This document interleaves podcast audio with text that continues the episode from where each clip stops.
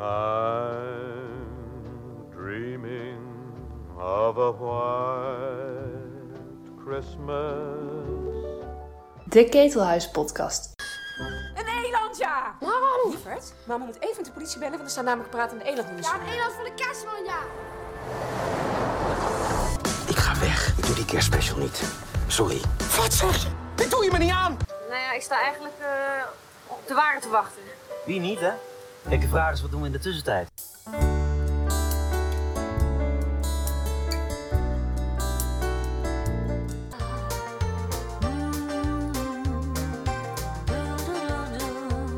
Met kerst wil ik bij jou zijn. En we moeten echt voorkomen dat we het virus met kerst cadeau doen aan de mensen bij wie we aan tafel zitten. Die dat dan op hun beurt weer cadeau doen aan een ander met oud en nieuw. Laten onze feestdagen geen feestdagen voor het virus worden. Kom op, wil je nou dat kerst doorgaat of niet? Niemand mag met kerst alleen zijn.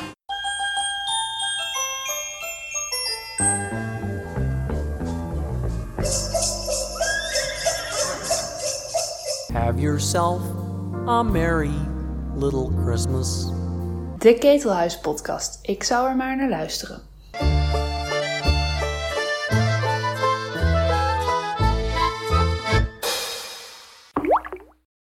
Welkom bij de zevende editie van de Ketelhuis podcast. Dit keer met de derde aflevering van Scènes voor een huwelijk. De programmareeks waarin Floortje Smit in gesprek gaat met een ervaringsdeskundige over wat films ons kunnen leren over de liefde. De ervaringsdeskundige is dit keer Corine Kolen.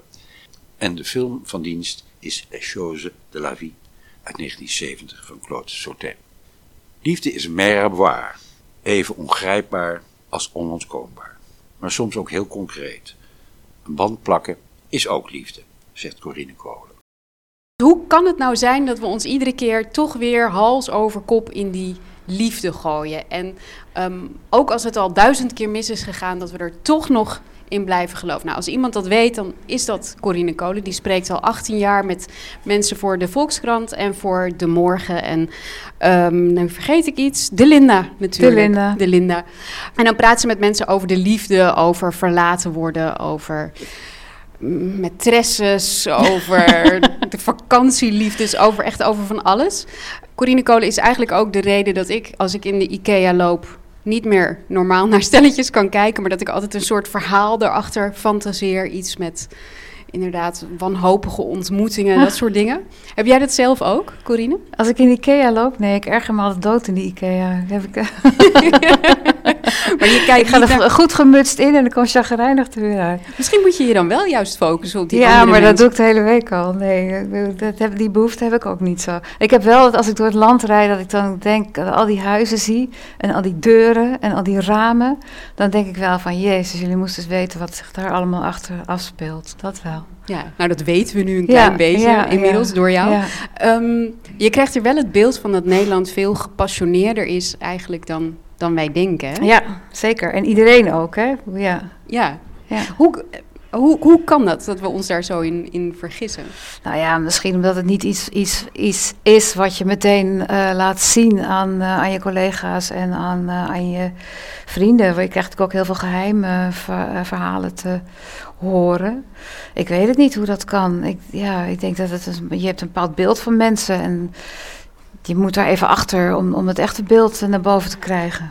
Nee, het grappige vind ik dat, dat heel veel mensen ook zeggen van zelfs als ik, he- ik geloofde helemaal niet in de liefde of in, in romantiek of, of wat dan ook. Ehm, en die worden dan toch van hun sokken geslagen. Het is net alsof de romantiek doorcijpelt op plekken waar het niet gaan wil. Ik denk dat ik dat ook het allerleukste vind van schrijven over liefde. Dat het gewoon zo eh, onontkoombaar is. En kennelijk zo'n ontzettende levensbehoefte. Dat mensen, ook al zijn ze nog zo teleurgesteld of verlaten geweest of wat dan ook.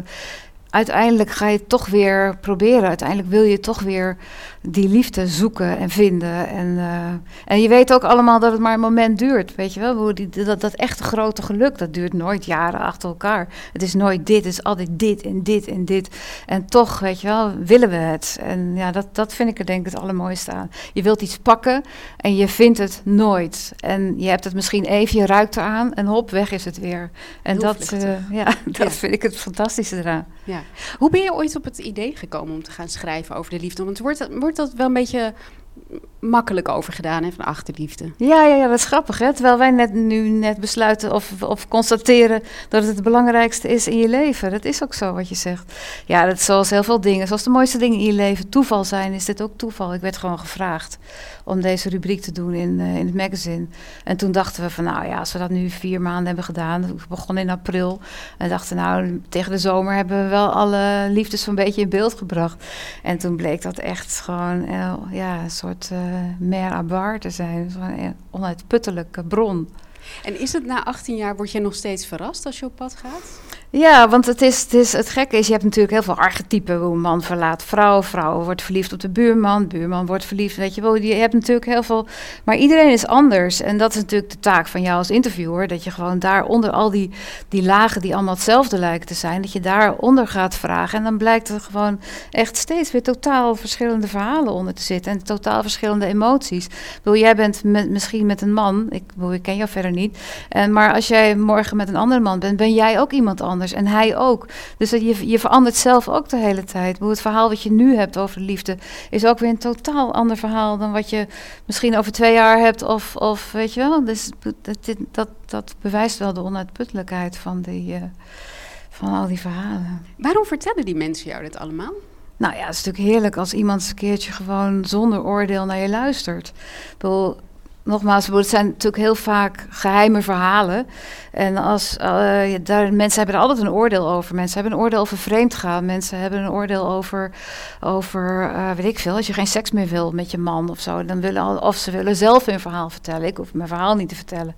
Ik vind het heerlijk om alleen maar te luisteren. En dan inderdaad proberen me helemaal in die mensen te verplaatsen. En van daaruit dat verhaal op te schrijven. Dat, ja, het is alsof je een soort foto van jezelf laat maken. Alleen dan op schrift. Hoe zoiets. Zo, zo stel ik het me voor. En het is anoniem natuurlijk.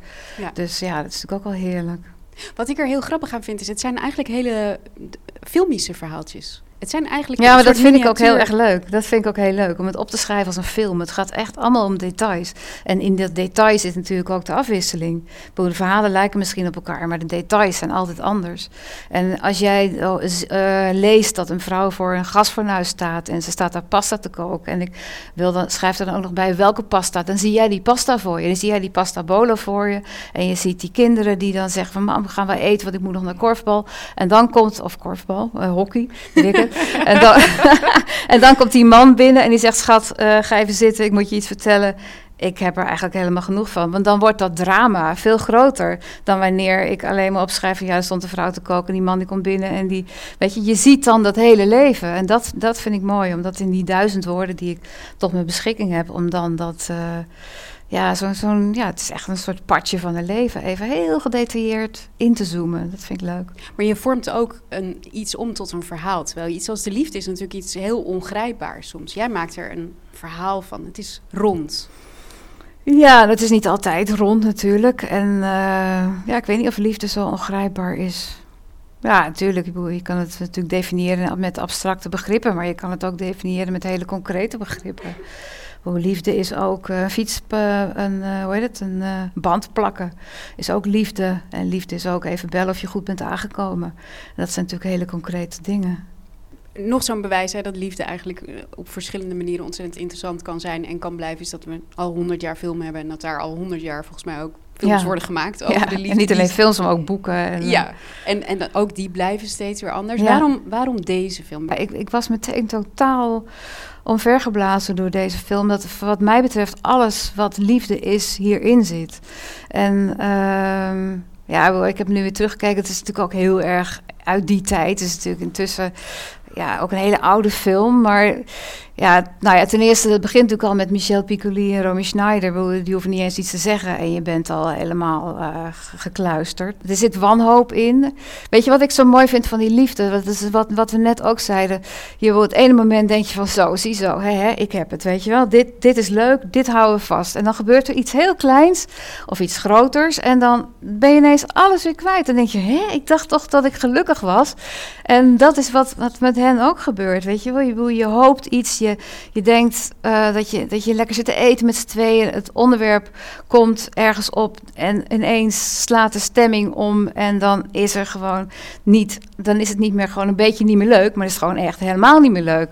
Weet je, en dat vind ik gewoon zo geweldig aan, ja, aan liefde, maar ook dat laat deze film gewoon heel erg goed zien. En ook dat je gewoon op een moment kan denken van, nou weet je wat, ik kap ermee. En het volgende moment gebeurt iets en denk je, nee, helemaal niet, we gaan trouwen, weet je wel. Nou ja, en dat geloof je ook allemaal. Je gaat er helemaal in mee. Nou ja, plus dat het gewoon een heel mooi gemaakte film is. Ik weet niet of we het ongeluk mogen noemen. Maar ja, laten we het ongeluk gewoon Ja, we noemen het ongeluk. Ja, dat is zo prachtig in beeld gebracht. Echt zo geweldig. Dat heb ik daarna nooit meer gezien. Zo mooi. En bijna een soort real time. Dat, dat nou ja, goed. Ja. ja, fantastisch. Het gaat over een man die tijdens dat ongeluk eigenlijk uh, zijn leven overpijnst. Ja. En, en een keuze moet maken tussen zijn echtgenoot of, of ex-echtgenoot. Nou, en... ze zijn wel. In Frankrijk heb je, had je het zeker in die tijd kennelijk.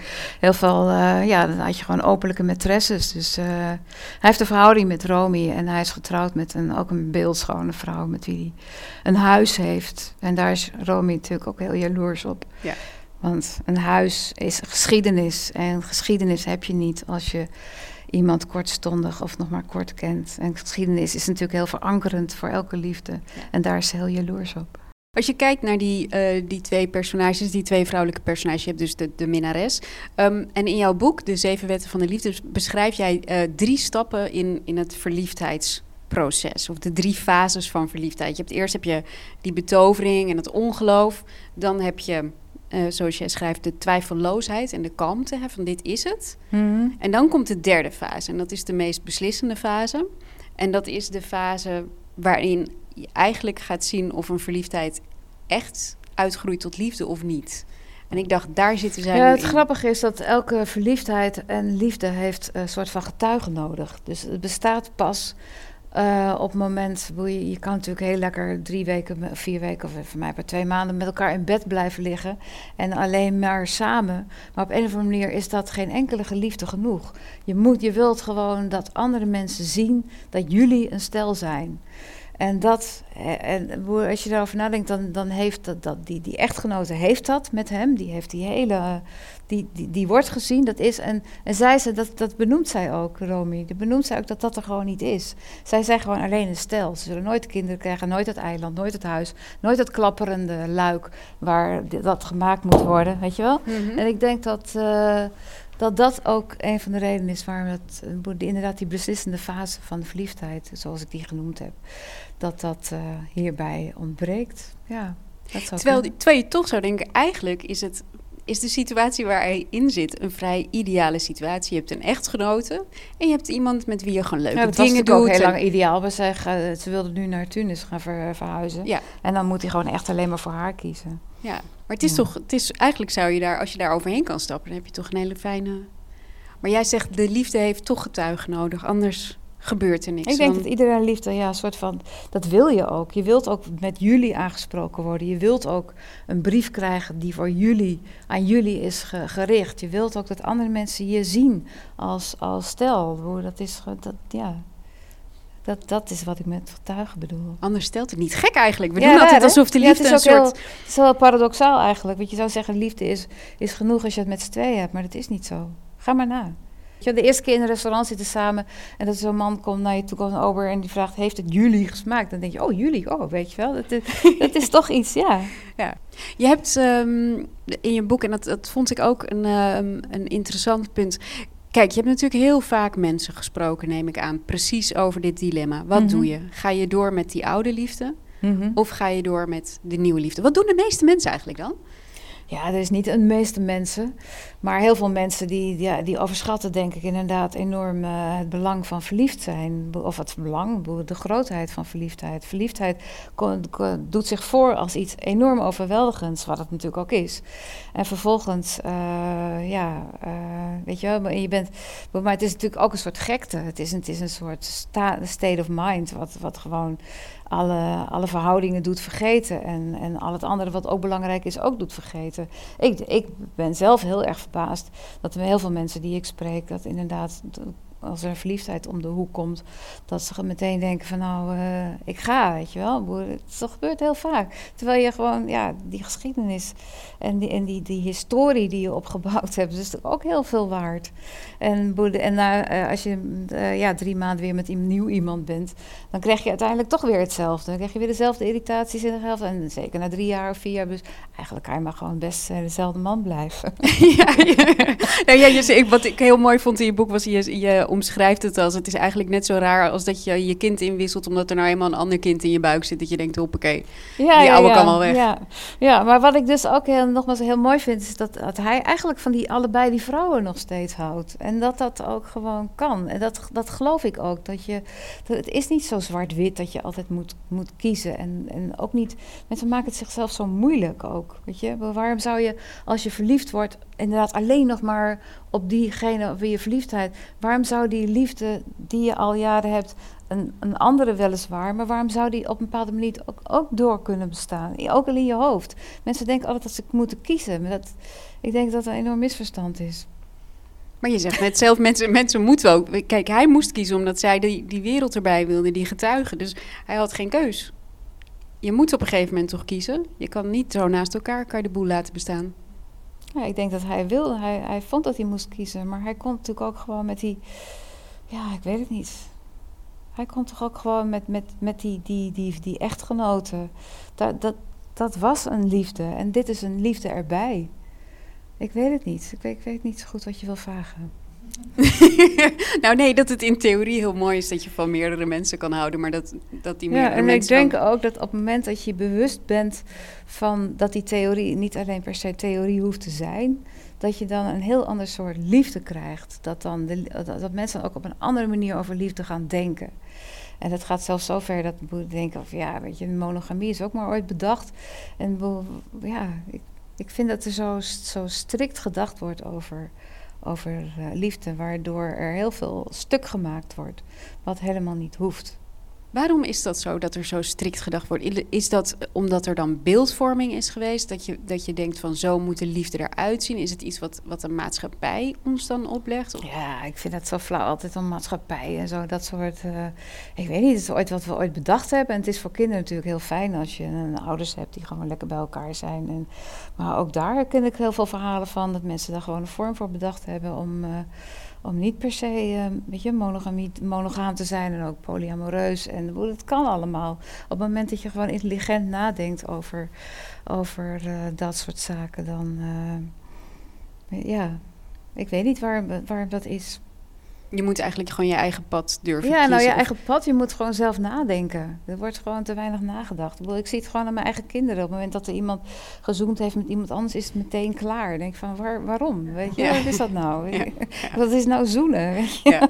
Ja, jij omschrijft trouw ook, vond ik ontzettend fascinerend in, eh, in je boek. Je hebt daar een heel andere definitie van dan... eh, Oh, van trouw? Ja. Eh, ja, nou ja, ik denk inderdaad dat het gaat in de liefde om eh, trouw in de zin van loyaliteit. Dat het gaat om gewoon heel erg goed naar de ander kijken. Degene die, die naast je zit en die zich ontwikkelt al die jaren dat die naast je loopt en wandelt. En dat je dat eh, van elkaar heel goed in de gaten houdt en, en elkaar daarin stimuleert. Ik denk dat dat veel belangrijker is dan dat je niet, seksuele trouw bijvoorbeeld. Wat ik ook fascinerend aan jou vind, is jij hebt zelf een hele lange relatie. Jij, je hebt dan een langere rela- relatie dan dat je over de liefde schrijft. Ja, Toch? inderdaad. Ja, met, eh, met een, een scenarist, Rogier Ja. Proper. Ehm, hoe hebben jullie elkaar leren kennen eigenlijk? Oh, eh, ik kwam bij hem solliciteren. Bij het filmblad Scope. Ja. En toen? Was het toen? meteen... Wil je het echt weten allemaal? Ja, ik wil het weten. Eh, nou ja, ik zal het je precies vertellen. Ik belde aan in Nicolaas Maastad, waar hij destijds woonde. En uh, dat was een trap. Hij woonde volgens mij op één hoog. En hij stond daar boven aan de trap. En hij keek me zo aan. Zoals hij waarschijnlijk de hele avond al alle stagiaires of stagiaires... Ja, het was aanvankelijk een stage of, of als sollicitante aankeek. En hij boog zich voorover en hij zei... Weet je een huis voor me? Dat is het eerste wat hij vroeg. En, uh, en daarmee suggereerde hij een beetje dat ik aangenomen was als ik een huis voor hem wist of, uh, om in te wonen. Dus dat, dat was de introductie en ik was heel erg gefascineerd door hem, kennelijk. En nog steeds. ja, want dat, dat, is, dat lijkt me lastig aan, een, aan zo'n lange relatie. Kijk, je bent gewoon... Ik, daar, nou ja, daarom... Het is gewoon een kwestie van iemand niet kennen en iemand nooit helemaal kunnen kennen. En op het moment, en dan, zolang je dat hebt, dat is, kan heel frustrerend zijn, maar dat is soms ook heel erg. Dat is, ja, klinkt dit nou echt of enorm gelul? Snap je wat ik bedoel of niet? Ja, ik het gaat om dat je, dat ik uh, je wilt altijd iemand helemaal leren kennen. En op het moment dat je iemand te pakken hebt zoals ik, die zichzelf nooit helemaal zal, leren kennen, uh, zal laten kennen, dan uh, blijft op zekere zin blijft die fascinatie altijd levend. Ja, want dit is volgens mij een van de lastigste dingen in, in een relatie. Als je al langere tijd bij elkaar bent en je kent elkaar door en door, een beetje pff, je, je wassen sokken bij wijze van. Was je Hmm. zijn sok eigenlijk? Doe je dat? Nee. Nee, nee mag je zelf doen. Ja, dat, ik, volgens mij is dat ook de basis van een hele goede relatie, dat ieder zijn eigen sokken wast. Nou ja, dat weet ik niet hoor. Hij was, hij was wel mijn sokken namelijk. maar het, het is zo ingewikkeld om, om steeds geïnteresseerd te blijven in iemand, denk ik. Ja, dat is het ook. Tuurlijk. Dat is het ook. Maar heb jij dan gewoon een man die gewoon heel erg interessant is? Of heb je een truc? Nee. Nee, ja, god jeetje. Ik vind het zo lastig om dat ineens allemaal te moeten uitleggen over hoe ik dan moet. Dan moet ik dan ook weer over nadenken. Weet je, het is nooit één ding. Het zijn, het zijn natuurlijk altijd duizend dingen tegelijk. Het is niet één reden waarom je met iemand 35 jaar bent. Maar de basis is denk ik wel dat je elkaar gunt om te zijn wie je wilt zijn. En dat je naar elkaar kijkt en ziet, oh, hij wil nu heel graag dat en dat. En nu moeten we proberen om, om, dat, uh, om dat mogelijk te maken. En ik moet heel eerlijk zeggen dat hij beter is daarin dan ik. Denk ik. Want hij kan dat namelijk heel erg goed. Hij kan heel goed zien wat, wat, wat, wat, ja, waar ik van opbloei, denk ik. En waar, waar, wat ik nodig heb om het te ontwikkelen. Ik denk dat dat het is. Dat je gewoon, het gaat uiteindelijk om dat je, als je elkaar leert kennen, dan sta je hier. En als je elkaar, en twintig jaar later sta je ben je nooit dezelfde persoon. Je moet heel goed in de gaten houden. Uh, feeling blijven houden van wie, wie is dat die naast me staat? Wil die nu nog steeds hetzelfde als tien jaar geleden of, te, of één jaar geleden of een half jaar geleden? En op het moment dat je dat verliest, dat, die feeling, dan, dan verlies je ook iemand. En het kan ook soms, uh, ik, ik haatte altijd als mensen zeiden van ja, maar liefde is ook heel hard werken. Ja. En ik dacht van ja, werken, werken, weet je wel. Maar ja, er zit natuurlijk wel iets in. Je moet wel heel goed, ja... Maar dit klinkt anders als, als aan werken, als in je moet één keer in de maand nog met elkaar uit eten gaan of zo, zo'n soort regel. Nou ja, dat kan ook heel erg, uh, heel erg helpen, ja. Hm. Ja, zeker. Dat, ra dat raden ook alle relatietherapeuten je aan. Om, uh, om dat soort. Uh, ik kijk nu Modern Love, een geweldige serie. Ja. En ja, daar komt ook zo'n relatietherapeuten in voor die dat echt vooraan. Nou ja, aanraden, natuurlijk. Tuurlijk is dat maar het is lastig, want ook zeker als je, weet ik veel, kinderen hebt, um, je, je, leeft langs elkaar heen. Volgens mij is dat een van de dingen die ik het meeste teruglees, ook, ook in jouw stukken. Mensen die elkaar niet meer zien. Ja, ja. nee, dat is zo. Het gaat om dat je elkaar blijft zien, dat je, elkaar, dat je oog blijft houden voor elkaar. Ja. Maar je hebt geen tip daarvoor. Ah. Geef me toch een tip. nou ja, de tip is gewoon goed opletten. Goed opletten. Dat is de tip. En wees niet alleen maar, weet je, als je jonge kinderen hebt en je hebt allebei een baan, is het natuurlijk heel makkelijk om, uh, om, om, om alleen nog maar die ouders uh, te zijn en, en alleen nog maar met die kinderen bezig te zijn. En uh, ja, dat is, dat, dat, je moet gewoon inderdaad ook oog houden voor elkaar. Zorgen dat je in stijl blijft, dat, je, dat die liefde um, warm blijft en bloeiende. Ja, dat doet iedereen op zijn eigen manier, maar alleen al daarvan je bewustzijn. Ik denk dat heel veel mensen er veel te veel opgaan in een gezin. En eh, dat gezin als doel hebben. Dat merk ik ook bij al die, bij die vrouwen die ik spreek voor de Linda, die verlaten worden. Die hadden allemaal, echt hoe verschillend ze ook zijn, ze hadden allemaal het doel, het gezin. En, en daar moest alles voor wijken. En dat is natuurlijk wat anders dan, dan dat je het doel hebt om je liefde uh, met die man. En die kinderen die, die zijn daar dan bij, weet je wel. Dat is een totaal andere uh, instelling. Ja. Ik denk dat dat heel erg dom is om te doen.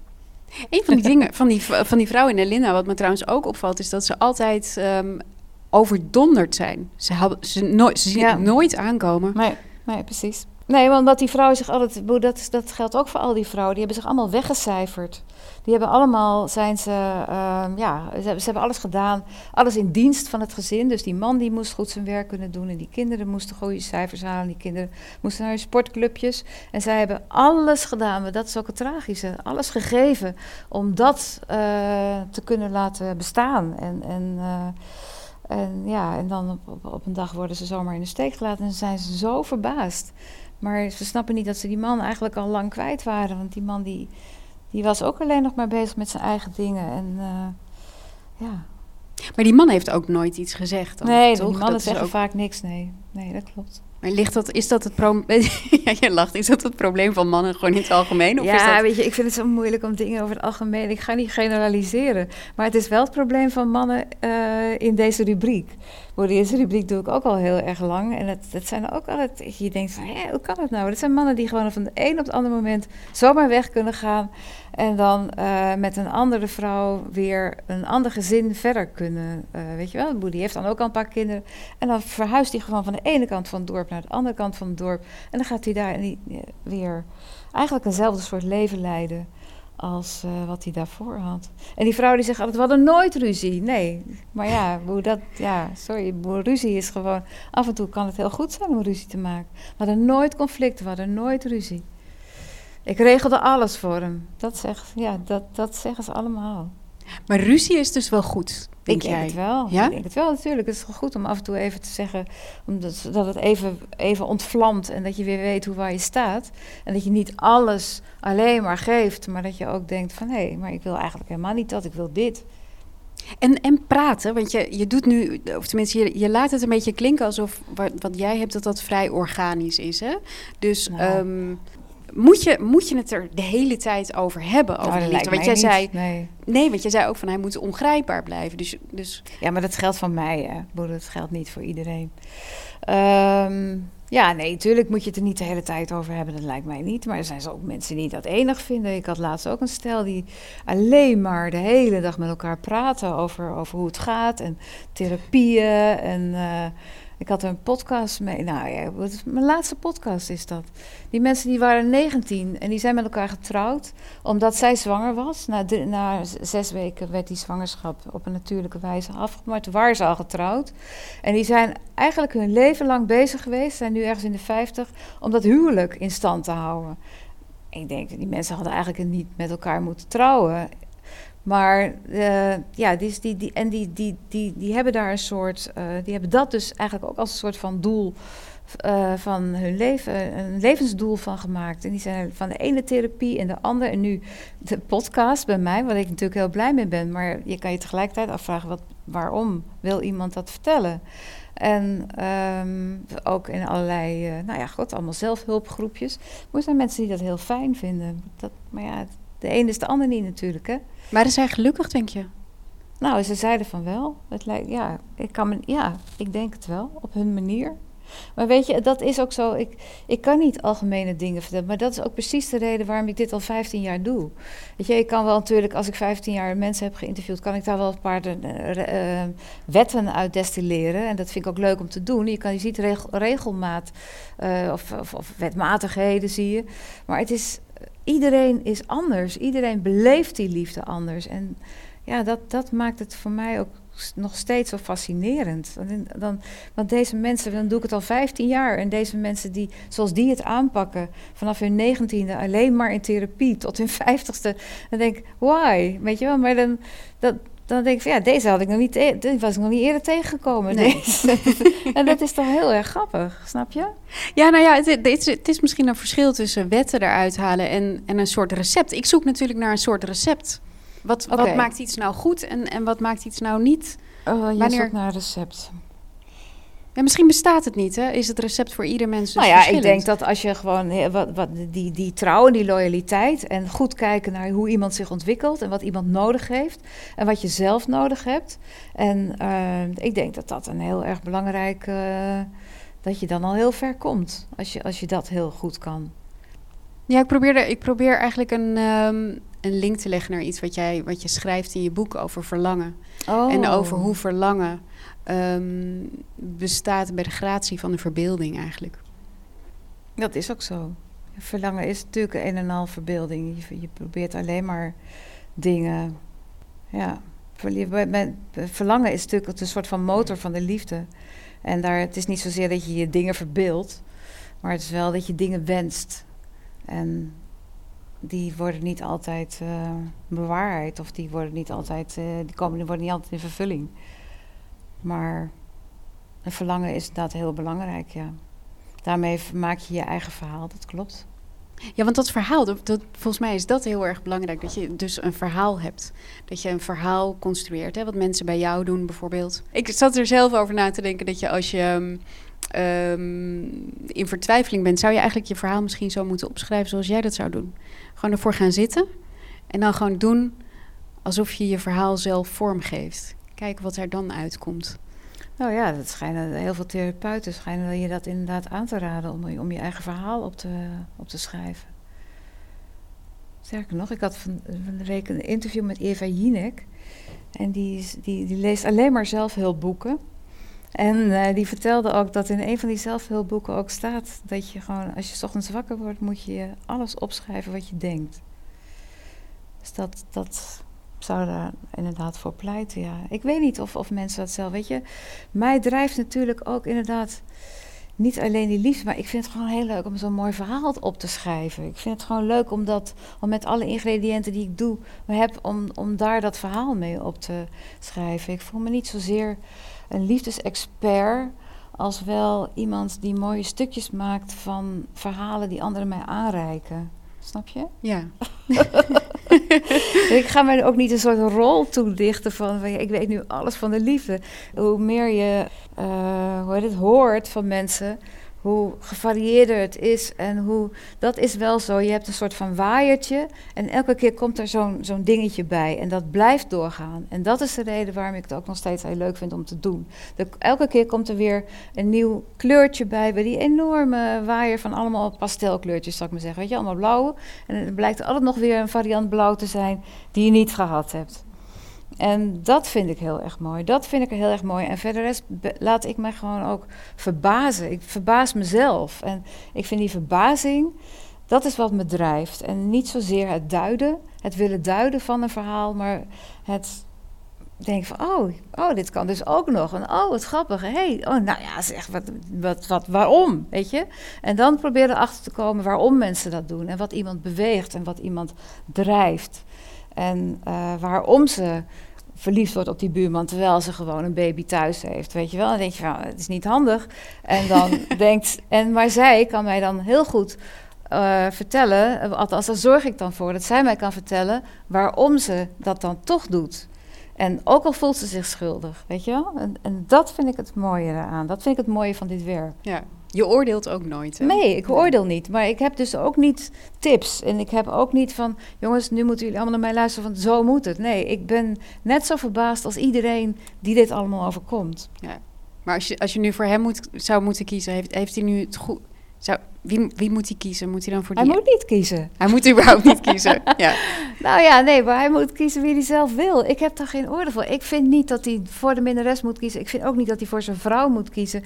Het le- leukst zou zijn, als het, zoals het nu gaat, dat het gewoon allemaal tegelijk eh, gaat. Maar ik, ik, ik ben geen moralist. Ik vind niet dit of dat, want dan zou ik dit ook nooit kunnen doen. Tot zover deze Ketelhuis-podcast. Deze podcast wordt gemaakt door Hans Berenkamp, Nico van den Berg, Alex de Ronde, Floortje Smit en Lieselotte Roodbol. De Ketelhuismelodie werd zo'n 20 jaar geleden gecomponeerd door Sylvia Holstein. Je vindt de Ketelhuis-podcast in je favoriete podcast-app en natuurlijk op onze website ketelhuis.nl/podcast.